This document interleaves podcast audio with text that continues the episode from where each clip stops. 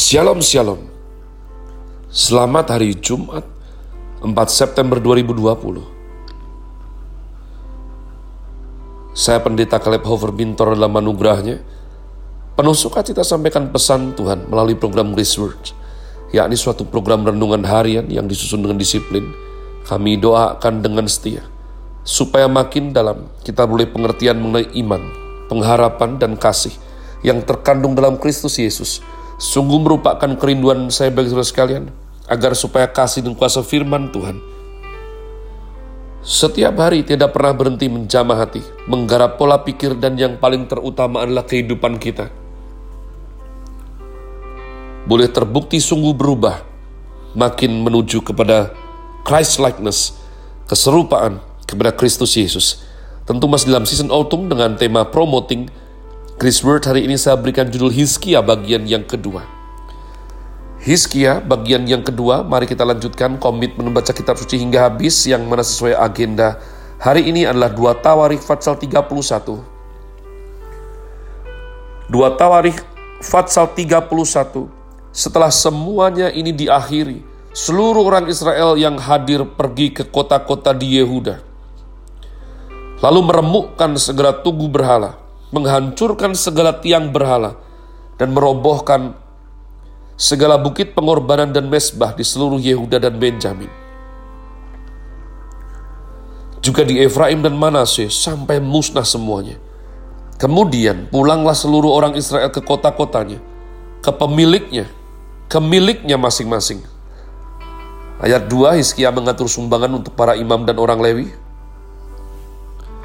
Hiskia menetapkan rombongan para imam dan orang-orang Lewi, rombongan demi rombongan, masing-masing menurut tugas jabatannya sebagai imam atau sebagai orang Lewi, untuk mempersembahkan korban bakaran dan korban keselamatan, untuk mengucap syukur dan menyanyikan puji-pujian, dan untuk melayani di pintu-pintu gerbang di tempat perkemahan Tuhan.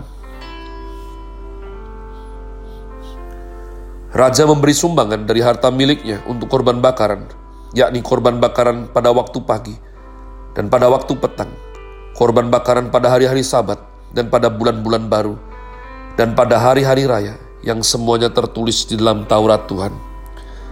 Ia memerintahkan rakyat, yakni penduduk Yerusalem, untuk memberikan sumbangan yang menjadi bagian para imam dan orang-orang Lewi, supaya mereka dapat mencurahkan tenaganya untuk melaksanakan Taurat Tuhan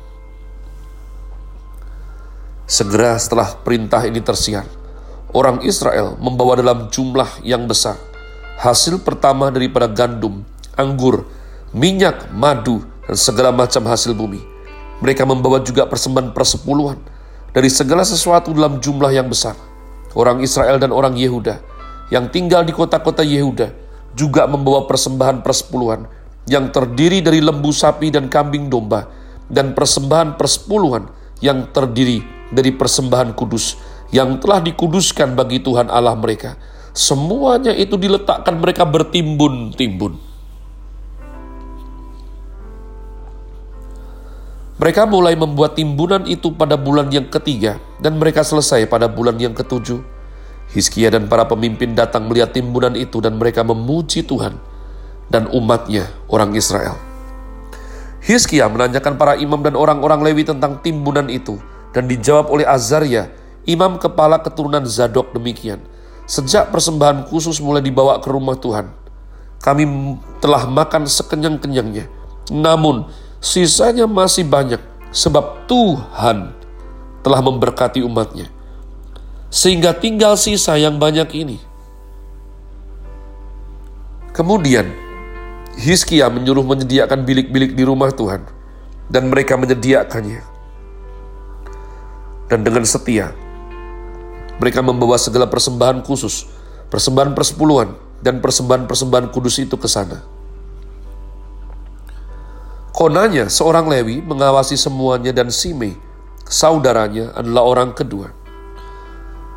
Sedangkan Yehiel, Azazya, Nahat, Asael, Yerimot, Yozabat, Eliel, Yismakia, Mahat, dan Benanya – adalah penilik di bawah kononya dan Simei saudaranya itu. Sesuai dengan petunjuk Raja Hizkia, dan Azaria kepala rumah Allah. Dan Kore bin Yimna seorang Lewi, penunggu pintu gerbang di sebelah timur mengawasi pemberian-pemberian sukarela untuk Allah. Serta membagi-bagikan persembahan khusus yang untuk Tuhan dan persembahan-persembahan maha kudus. Di kota-kota, imam ia dibantu dengan setia oleh Eden, Minyamin, Yesua, Samaya, Amaria, dan Sekanya. Dalam pembagian itu kepada saudara-saudara mereka menurut rombongan, kepada orang dewasa, dan anak-anak, kecuali kepada setiap orang yang masuk ke rumah Tuhan.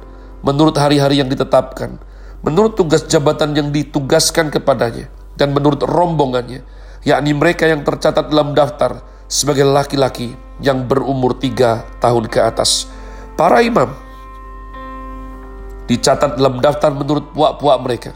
Sedang orang-orang Lewi yang berumur 20 tahun ke atas dicatat menurut tugas dan rombongan mereka. Para imam terdaftar dengan seluruh keluarga mereka, yakni istri, anak laki-laki, dan perempuan.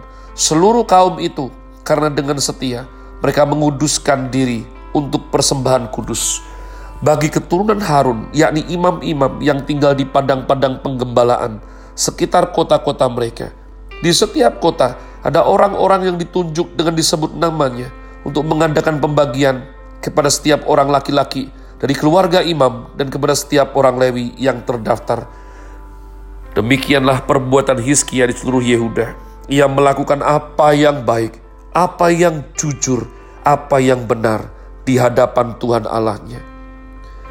Dalam setiap usaha yang dimulainya untuk pelayanannya terhadap rumah Allah dan untuk pelaksanaan Taurat dan perintah Allah, ia mencari Allahnya. Semua dilakukannya dengan segenap hati, Perhatikan, sehingga segala usahanya berhasil. Sehingga segala usahanya berhasil. Umat Tuhan. Hizkia dalam kitab Raja-Raja, dalam kitab Tawarikh, mendapat porsi fatsal yang sangat melampaui daripada raja-raja yang lain, kecuali Raja Daud dan juga Raja Salomo. Saudara lihat, Hizkia ini adalah putra atau anak daripada Ahas umat Tuhan.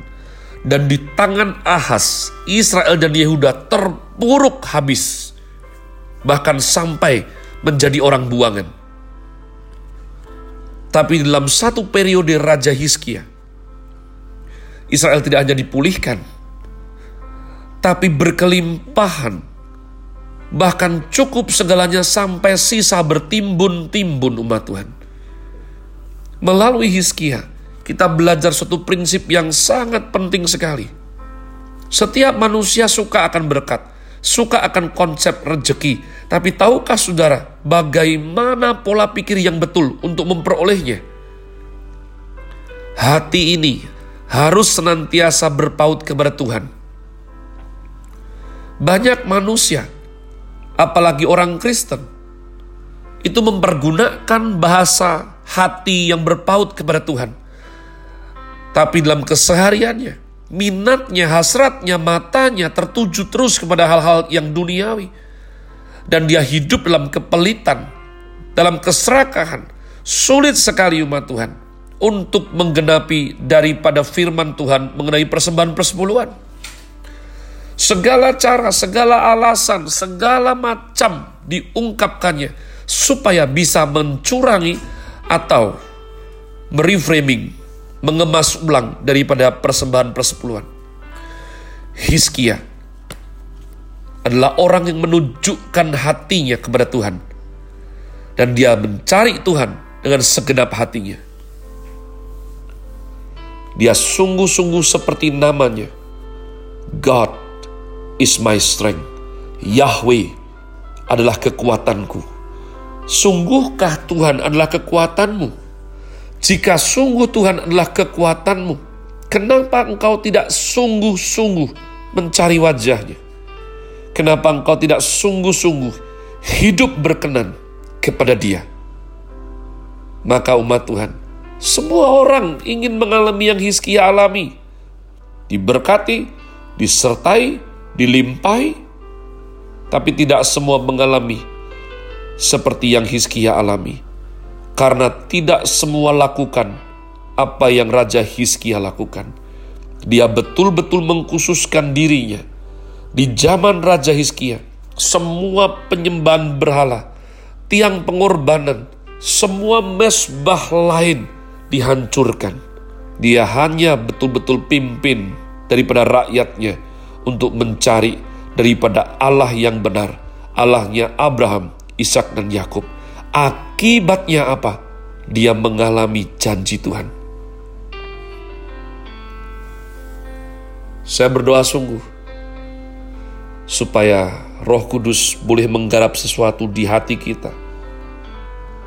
Bukan justru kita terburu nafsu serakah, ingin cepat kaya, dan justru menghancurkan semua sebab yang kita lakukan tidak yang diperkenan Tuhan. Amsal berkata, tinggalkanlah niatmu untuk menjadi kaya. Urungkan niatmu itu. Cari Tuhan. Cari wajah Tuhan. Bersungguh hati, hidup dalam firman-Nya. Saudara akan melihat keajaiban terjadi. Sebab Tuhan betul-betul menggenapi janjinya. Have a nice day. Tuhan Yesus memberkati saudara sekalian. Sola. Grazie.